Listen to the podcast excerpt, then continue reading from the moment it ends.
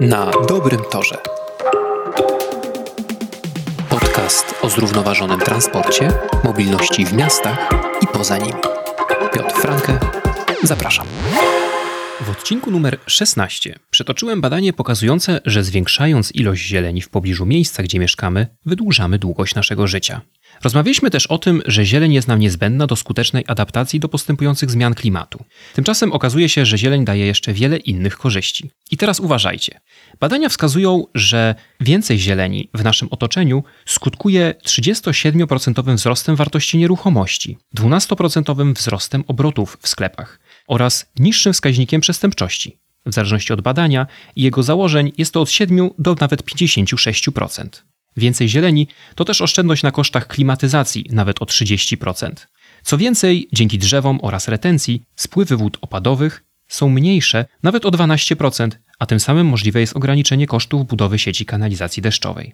To tyle jeśli chodzi o teorię. W tym odcinku chciałbym jednak porozmawiać o praktyce we wdrażaniu błękitno-zielonej infrastruktury w polskich miastach, a dokładniej w Warszawie. Gościnią tego odcinka jest dr Monika Domanowska, kierownik zespołu do spraw zieleni w Zarządzie Dróg Miejskich w Warszawie. Dzień dobry. Dzień dobry Państwu, bardzo mi miło. Zacznijmy może od tego, jakie inwestycje błękitno-zielonej infrastruktury realizuje Zarząd Dróg Miejskich w Warszawie. Zarząd Dróg Miejskich od kilku lat sadzi drzewa i byliny i krzewy, dlatego że robimy remonty dróg w Warszawie i Zarząd Dróg Miejskich stwierdził, że dobrze jest po zrobionym remoncie czy nowej wdrażanej inwestycji, na przykład budowie drogi rowerowej, oddać mieszkańcom kompleksowo zrobioną przestrzeń. Czyli żeby po remoncie czy nowej budowie nie było tak, że mamy chodnik czy nowy asfalt i ta przestrzeń po prostu nadal jest betonowa. Zieleń to jest całkiem nowa jakość życia, nowa jakość korzystania z przestrzeni i chcielibyśmy, żeby ta przestrzeń, którą robimy dla mieszkańców, była po prostu lepsza.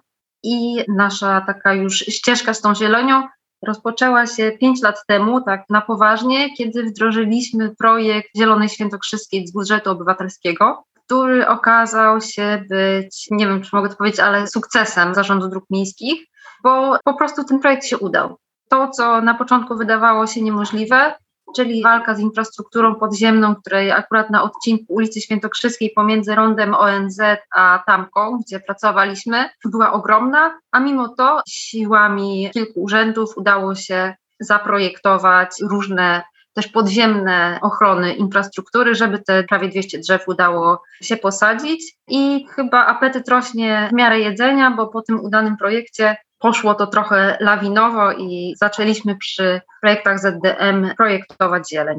Na przykład w tym roku zrobiliśmy sporo zieleni przy rondzie Dmowskiego. Powstały długo wyczekiwane przejścia naziemne i to była świetna sytuacja, by zdjąć też masę nawierzchni utwardzonej wokół ronda i na samej tarczy ronda. My mówimy, że robimy rozpłytki, nie ma takiego słowa w słowniku języka polskiego, ale mam wrażenie, że ono się świetnie przyjęło, bo i budżet obywatelski już mówi, że zróbcie rozpłytowania. I my rozpłytowujemy, no, zdejmujemy nawierzchnię betonową, która jest w nadmiarze, bo widać to po prostu, że te czasem lotniskowe ilości płyt no, leżą bez sensu. I bardzo fajne jest, co powiedziałeś, że zieleń przekłada się na pieniądze. W naszym przypadku przekłada się często na oszczędności. Inwestycyjne? Inwestycji, tak. Bo zamiast kładzenia tych płyt betonowych na podbudowach albo granitowych, bo w śródmieściu mamy strefę pierwszą materiałową, co oznacza, że nawierzchnie pierwsze powinny być wykonane z kamienia, z granitu na przykład, albo z lastryko teraz, to wykonanie zieleni generuje oszczędności. I taka wysokiej jakości zieleń także generuje oszczędności? Takie duże drzewo czy krzewy jakieś, to nie są drogą rzeczą?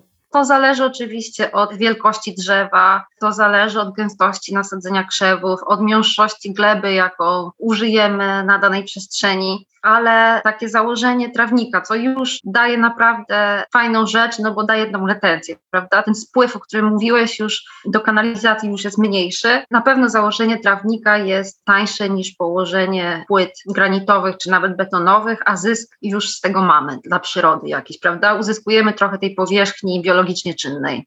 No i tak w tym roku zrobiliśmy rondo Dmowskiego, teraz sadzimy przy ulicy Sokratesa, zaraz przy Odeńca też będą ogrody deszczowe. Na początku roku zrobiliśmy duży projekt nasadzeń wzdłuż, roboczo nazywamy to małą obwodnicą Gocławia, gdzie po zeszłorocznych pracach budowy dróg dla rowerów i remoncie chodników i wybudowaniu kilku ogrodów deszczowych. W tym roku uwieńczyliśmy dzieło i zazieleniśmy tą obwodnicę Gocławia. I tak już od kilku lat przy jakichś naszych inwestycjach robimy zazielenianie. To powiedzmy jeszcze, co to są te ogrody deszczowe może? Ogrody deszczowe to jest, nazwałabym to taką niecką retencyjną, bo w wykopie, my robimy akurat wykopy o głębokości 70 cm, wypełniamy ten wykop warstwami drenażowymi, w zależności od warstwy jest to piasek rzeczny, są to warstwy kamienne, jest to mieszanka też kamienna z ziemią i z piaskiem. To jest to jedna z wierzchnich warstw, żeby posadzić tam rośliny. Więc to są takie niecki, gdzie mamy dużą możliwość pochłaniania wody, czyli zamiast woda szybko spływać do ścieku, zatrzymuje się w tymże ogrodzie deszczowym, bo mamy przerwy w obrzeżach bądź krawężnikach, w zależności jak ogród deszczowy jest utytułowany. I ta deszczówka nam wpada do tej niecki, która jest obsadzona bylinami, trawami takimi, które lubią okresowe zalewanie, ale są też odporne na, na suszę. I tam sobie powoli infiltruje do gruntu, a przy okazji jest podczyszczana, bo stosujemy rośliny takie, które mają umiejętność zatrzymywania metali ciężkich, no ale też te mieszanki piaskowe i kamienne podczyszczają nam tą deszczówkę i już ta woda jest infiltrowana powoli do, do gruntu. Tak, zamiast sobie mhm. tam uciekać do kanalizacji. No i wydaje nam się, że to rozwiązanie jest dużo lepsze niż taki szybki spływ powierzchniowy do kanalizacji. Zatrzymujemy tą wodę na miejscu, w mieście jeszcze, w wodach gruntowych, a nie prosto do rzeki albo do rzeki przez oczyszczalnię i prosto do morza.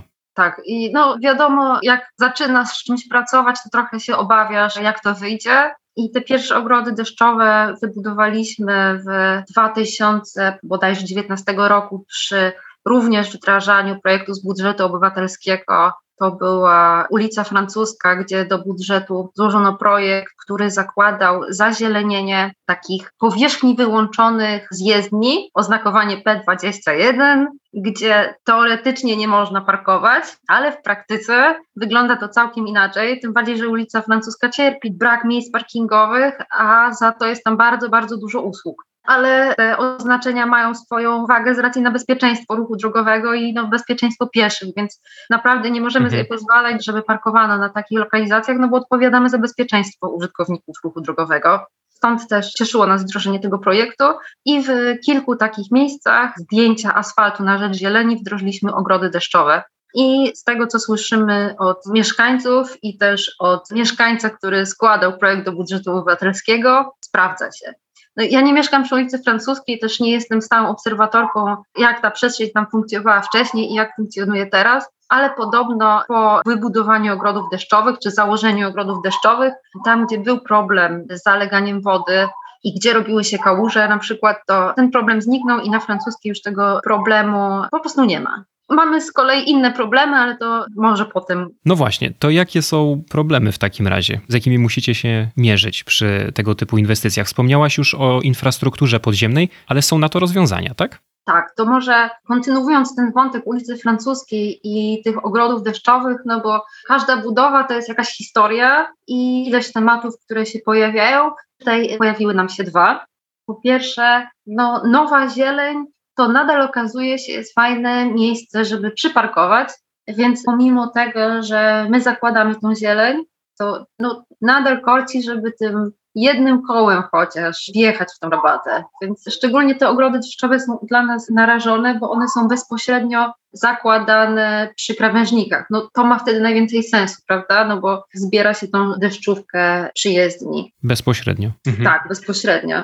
No i jest to rozjeżdżanie. Stawiamy tak zwane wygrodzenia trawnikowe, ale one nie mogą być bardzo trwałe. No, nie możemy zasłupkować wszystkiego. Zresztą też był kiedyś taki projekt do budżetu obywatelskiego, żywopłoty zamiast słupków. Tylko, no okej, okay, sadzimy też żywopłoty, ale bez słupków to one po pół roku nam po prostu zanikają. Więc i Mhm. tutaj założyliśmy miejscowo te wygrodzenia trawnikowe, ale one są dość delikatne, no i też szybko ulegają destrukcji, a z drugiej strony bardzo duży ruch pieszy przy ulicy Francuskiej i rowerowy, co jest super, no też generuje, że piesi wchodzą nam w te rabaty. No, po prostu jest bardzo duży udział ruchu pieszego i rowerowego, no z racji na dużą ilość usług i może to jest po naszej stronie, żeby po prostu, nie wiem, więcej dosadzać, czy częściej dosadzać jakieś nowe rośliny, ale po prostu roślinność nam wypada z racji na rozjeżdżanie i często też przedepty.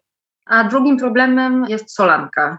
To jest stały problem w całym mieście stołecznym Warszawy, no i pewnie w każdym mieście w Polsce, bo rośliny bardzo cierpią przez stosowanie soli drogowej zimą. Czy było rozważane zastosowanie jakiegoś kruszywa do zimowego utrzymania dróg zamiast e? Kruszywo to może za duża frakcja. Tutaj bardziej mówimy Gryzu. o piaskowaniu. Aha, okej. Tak, podobno większe frakcje używa się w krajach skandynawskich, ale to jednak wyobrażam sobie te odpryskające kamyczki w stronę okien pieszych i nie pamiętam tego dobrze, w którym to było roku, ale w dzielnicy Żoliborz na kilku lokalnych drogach było stosowane piaskowanie.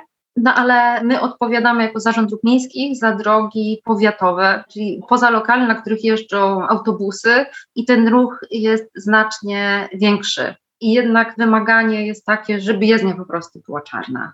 A też odpowiadamy za, może to zbyt górnolotnie, ale za zdrowie pieszych, prawda?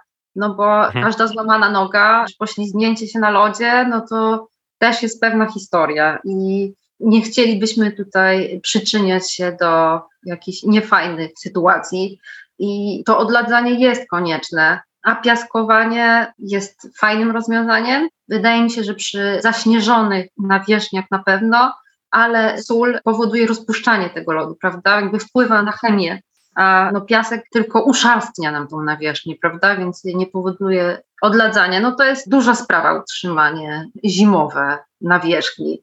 No sól działa fatalnie na roślinność. Pamiętam dwa lata temu po pewnej zimie, właśnie na ulicy Świętokrzyskiej, mieliśmy zasychanie kilkunastu drzew. Pojawiły się tak zwane suchoczuby, czyli drzewa nam zasychały od góry.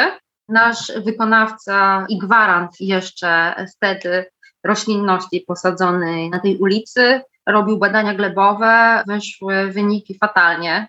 Te najgorsze wyniki glebowe i tam, gdzie mieliśmy zasychanie drzew, było przy przystankach autobusowych, przy największych skrzyżowaniach, no czyli tam, gdzie to stosowanie soli ma największe znaczenie i gdzie na pewno było jej najwięcej. Zrobione było płukanie gleby. Na przyszły rok założyliśmy, my to nazwaliśmy domkami dla drzew. To nie jest jakieś super estetyczne rozwiązanie, ale ono miało być przede wszystkim skuteczne.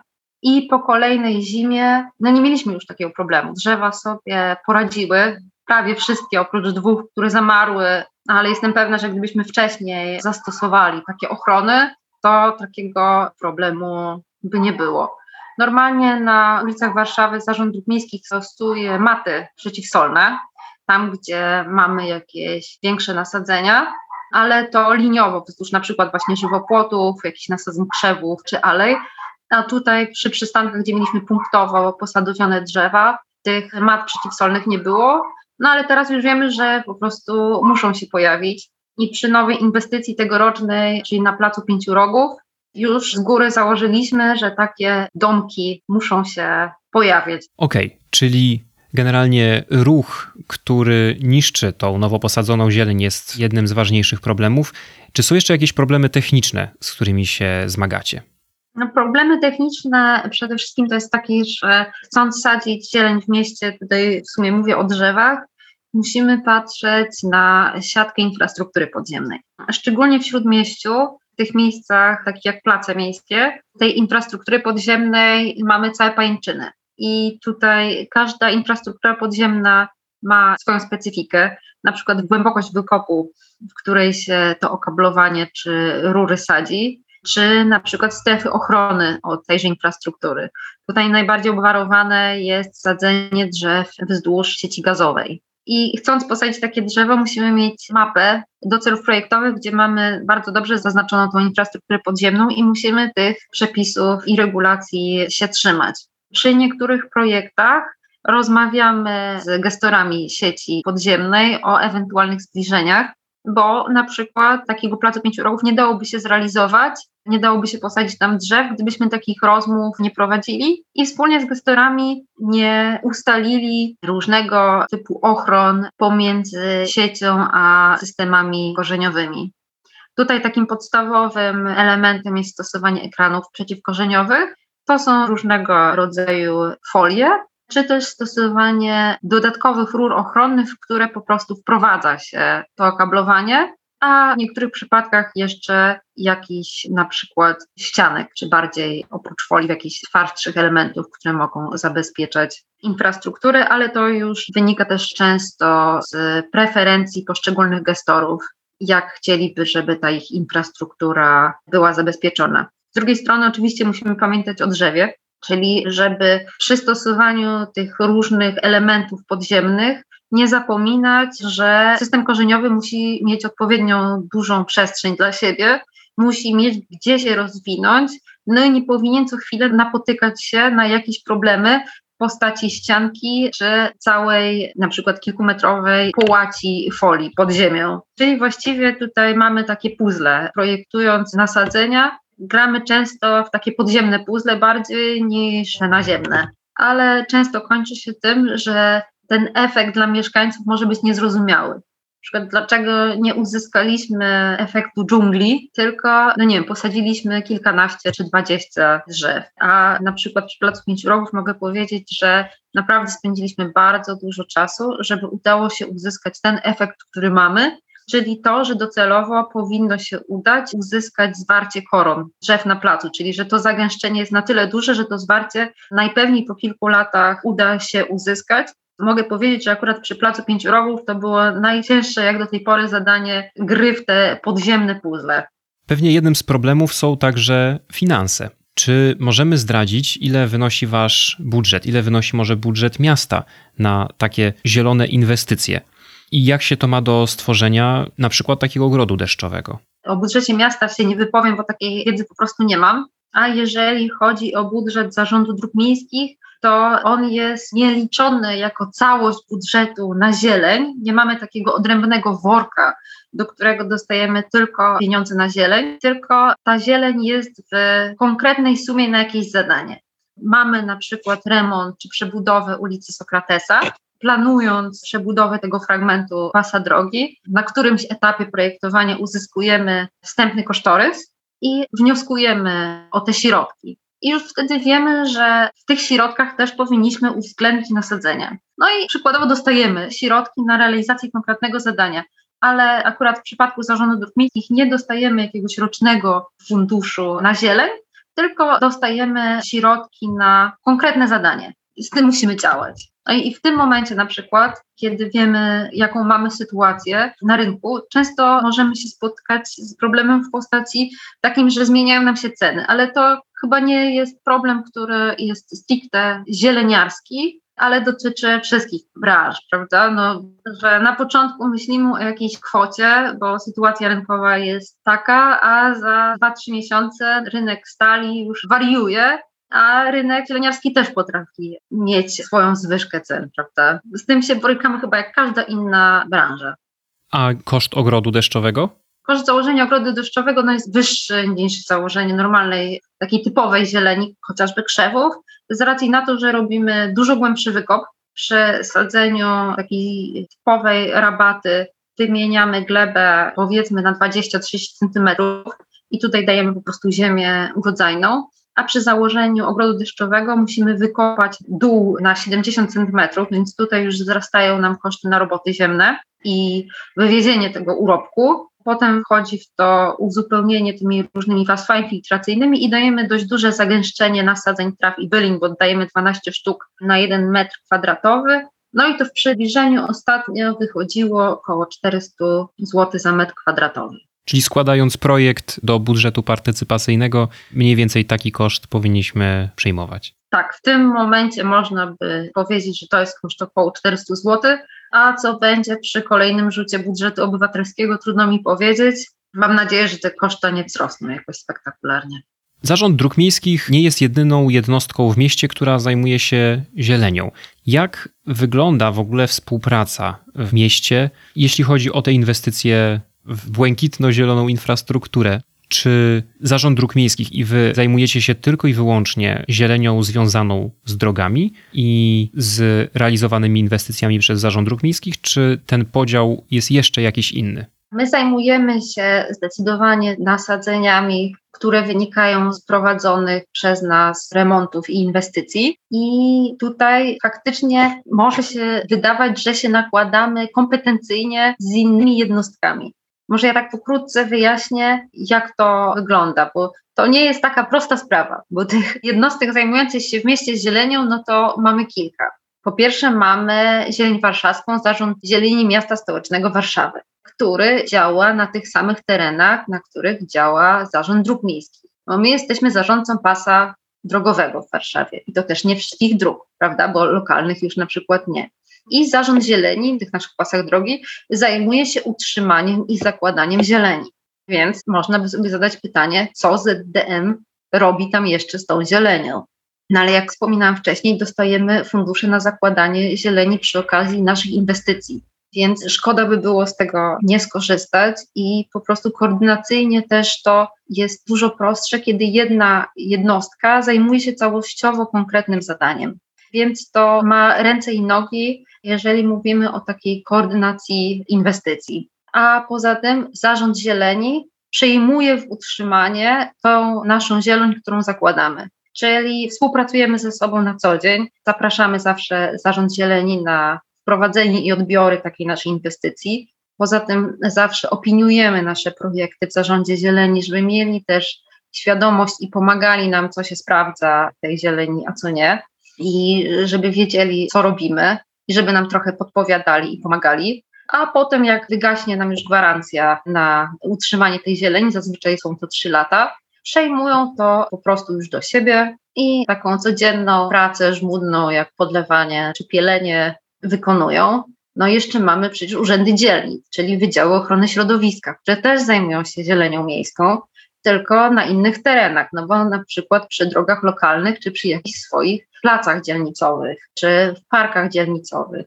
Jeszcze mamy Biuro Ochrony Środowiska, które nad wszystkim czuwa. Więc ja się nie dziwię, że obywatel może się pogubić w tym, tak? Bo przynajmniej cztery różne nazwy jednostek, nie mówiąc już o tym, że są dzielnice, więc jeszcze są te podziały dzielnicowe. A jest zrozumienie dla potrzeby wprowadzania zieleni, błękitno-zielonej infrastruktury w mieście? Są gdzieś konflikty może i opór? Zrozumienie przez urzędników, czy zrozumienie przez mieszkańców? Przez urzędników, urzędników, decydentów. No, urzędnik, decydent to też człowiek. I też mieszkaniec. I też mieszkaniec, to prawda. Tutaj mogę się wypowiedzieć najlepiej za Warszawę. Ja też no, z racji na to, że pracuję w tym mieście i też nigdy nie mieszkałam w żadnym innym mieście, więc pewnie prezentuję typowy warszawocentryzm. I to mogę powiedzieć, że Warszawa jest otwarta na zieleń. Ten paradygmat projektowania na pewno się zmienił i cały czas się zmienia i mam wrażenie, że z roku na rok to zielone światło na zieleń jest coraz jaśniejsze i coraz fajniej świeci. A co się dzieje w innych miastach, to chyba też jest coraz lepiej, bo ja z dużym zaciekawieniem obserwuję, jak działa Kraków, czy jakie fajne inwestycje robi Wrocław. I tu na pewno możemy się od siebie uczyć. Na przykład w Gdańsku, Gdańsk miasto, które najwcześniej zaczęło zakładać ogrody deszczowe. Tam mamy zarząd dróg i zieleni, czyli taką jednostkę łączoną. Tak, więc to zielone światło jest. Na pewno są jakieś zgrzyty, prawda? No, ja też pracuję w zarządzie dróg miejskich, gdzie przecież zajmujemy się ciężką infrastrukturą drogową i tutaj też wychodzą różne temperamenty ludzkie i różne potrzeby. Ja zajmuję się zielenią, prawda? Więc dla mnie ta potrzeba zieleni zawsze idzie jako pierwsza. I często też zapominam, że są inne potrzeby, na które muszą patrzeć pracownicy innych wydziałów na przykład jakaś przejezdność czy widoczność znaków. Ja bym chciała postawić jak najwięcej drzew, a tu się okazuje, że trzeba się odsunąć od sygnalizacji. I jak to drzewo chcesz wsadzić? No nie powinnaś tam sadzić drzewa. I ja to muszę też zrozumieć, a osoby, które zajmują się innymi tematami, chciałabym, żeby rozumiały to, że ta zieleń jest ważna. I tutaj bardzo fajną rzecz udało nam się zrobić. Wydaje mi się, że dość nietypową, czyli to już było ze trzy lata temu, ale wszystkie wydziały merytoryczne, czyli na przykład zajmujące się utrzymaniem czy opiniowaniem projektów drogowych, wszyscy pracownicy wzięli udział w szkoleniu przez taką fundację, która zajmuje się ekologią, na temat właśnie małej retencji nawierzchni wodoprzepuszczalnej. Też było tam dużo mówione o korzeniach, jak właśnie jest ten styk nawierzchni z korzeniami. I mam wrażenie, że to było fajne doświadczenie dla wszystkich. A ja mam wrażenie, że jak porozmawialiśmy i spotkaliśmy się wszyscy, to łatwiej się po tym pracuje. No właśnie, chyba to zrozumienie i otwartość na potrzeby i uwarunkowania innych branż jest szalenie ważne. Jakich zmian może potrzebujemy, żeby ułatwić, usprawnić wprowadzanie tej zieleni w naszych miastach? Czy są jakieś proste rozwiązania, albo trochę trudniejsze, które moglibyśmy zastosować? Czy może jakieś zmiany w prawie byłyby pomocne albo w procedurach administracyjnych? Mówiąc o skali miejskiej, to na pewno ważne są procedury nie tyle dotyczące wdrażania poszczególnych elementów zieleni, ale tego, by się nie pozbywać, czyli żebyśmy już chronili to, co mamy. W ostatnich latach bardzo często zmieniały się zapisy ustawy Prawa Ochrony Przyrody dotyczące tego, co i jak można wyciąć. Fajnie by było, żeby tych wycinek po prostu bezsensownych było jak najmniej. W naszym biurze zwracamy na to bardzo dużą uwagę, żeby tych wycinek było jak najmniej, ale patrząc jednak na skalę w różnych sytuacjach, no ciężko się na to patrzy. Ja na przykład podróżując po Polsce pociągiem oglądałam, pewnie wiele osób widziało, na masową skalę wycinki wzdłuż kolei. I tutaj bardziej mówię jako już mieszkaniec niż jako urzędnik, bo na prawie kolejowym to się w ogóle nie znam i na tym, jakie powinny wytyczne spełniać obszary wzdłuż kolei. No ale po prostu chciałam, żeby te nasze przepisy dążyły do tego, żeby w różnych branżach było zrozumienie tego, żeby nie wycinać i też, żeby uregulować może trochę lepiej wykonanie nasadzeń rekompensacyjnych. Bo e, też wiem, że te wycinki czasem muszą się odbyć. Odbywają też się chociażby ze względu na stan zdrowotny już starszego drzewostanu. I fajnie by było, żeby te rekompensaty faktycznie oddawały przyrodzie to, co zostało zabrane. A jak to wygląda w tej chwili? Jeszcze przy wycinkach na taką małą skalę, jak my robimy, to te rekompensaty są z reguły jeden do jednego czyli za jedno wycięte drzewo sadzimy. No to bywa różnie, ale z reguły, jakby tutaj mówię, że w uśrednieniu jest to jeden do jednego. I tu możemy sobie zadać pytanie, czy to jest odpowiednia rekompensata, prawda, że wycinamy jedno duże drzewo, a sadzimy za nie jedno niewielkie, które duże być może będzie za 15 lat. Ale dużo gorzej to wygląda przy nasadzeniach rekompensacyjnych, które odbywają się przy budowie dróg krajowych czy autostrad. Tam jest całkiem inny przelicznik tych wycinek. Nasadzenia rekompensacyjne idą w setki, ale brak tam jest wytycznych właściwie dotyczących wielkości tych drzew. Sadzone są naprawdę małe patyczki.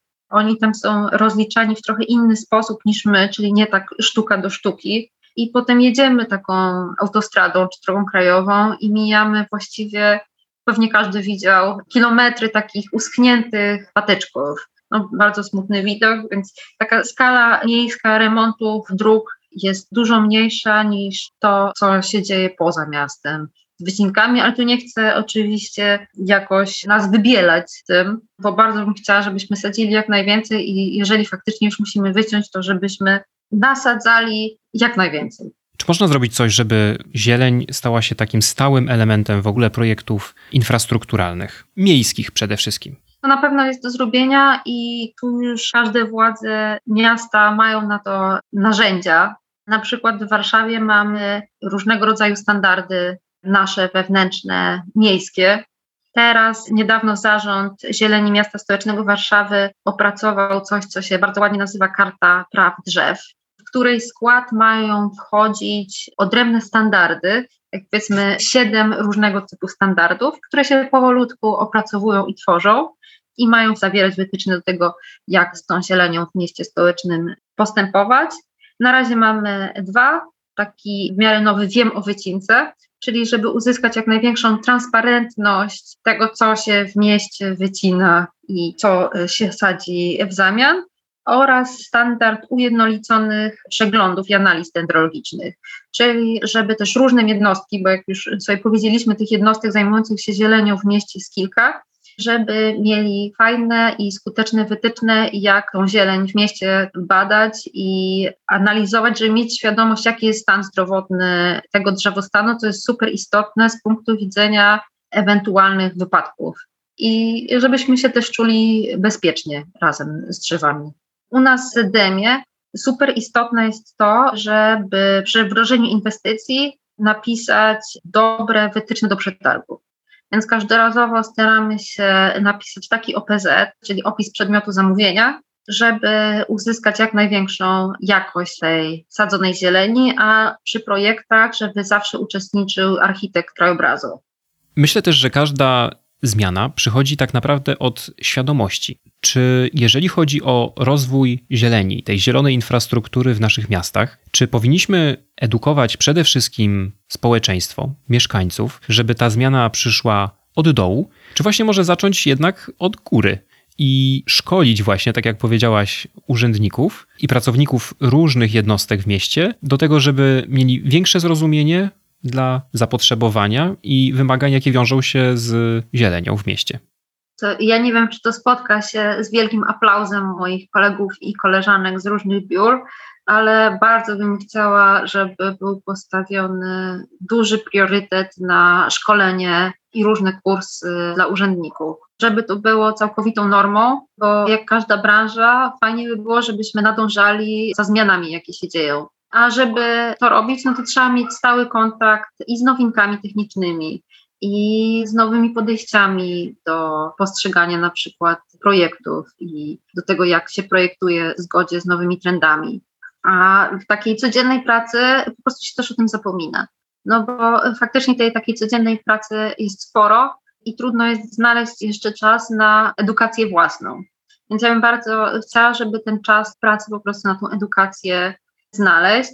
Dość często się spotykam z tym, że jest szkolenie z aktualizacji legislacji, co też jest bardzo ważne, żeby być na bieżąco w tym, jak to prawo się zmienia, ale szkolenia dotyczące zieleni czy nowych paradygmatów w projektowaniu już zdarzają się dużo rzadziej. I to by było bardzo fajnie, żeby faktycznie urzędnicy mieli szansę brać udział w takich szkoleniach. Bo oczywiście fajnie jest, jak zmiany wychodzą od dołu, i to się zdarza. Też kiedyś byłam działaczem pozarządowym i to był super czas, ale chciałabym, żebyśmy doszli do takiego punktu, żeby te zmiany działy się i od dołu, i od góry jednocześnie, żebyśmy nie musieli nadążać nad tym, co przychodzi od dołu i zapotrzebowaniem mieszkańców, tylko żebyśmy wychodzili też z inicjatywą i żeby to się działo równolegle.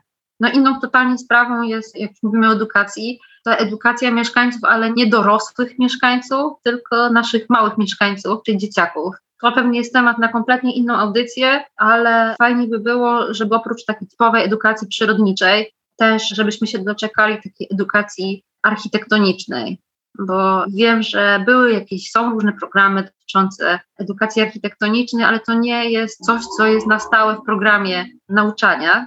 I fajnie by było, żeby na lekcjach pojawił się też temat bycia aktywnym mieszkańcem, bo tego też się chyba można nauczyć, że ma się ten głos, żeby coś w cudzysłowie od dołu zadziałać. To tak jak powiedziałaś, zmiany są, zmiany idą w dobrym kierunku. Chciałoby się może, żeby działy się jeszcze szybciej. I powiedziałem tak, miejmy nadzieję, że właśnie dzięki takim szkoleniom, dzięki edukacji i odgórnej, i oddolnej, uda nam się w tym kierunku właśnie zmierzać. Bardzo serdecznie dziękuję za dzisiejszą rozmowę. Gościnią była dr Monika Domanowska, kierownik zespołu do spraw zieleni w Zarządzie Dróg Miejskich w Warszawie. Dziękuję Państwu serdecznie. A ja zachęcam do subskrybowania podcastu na dobrym torze, bo do tematu zieleni na pewno będziemy wracać.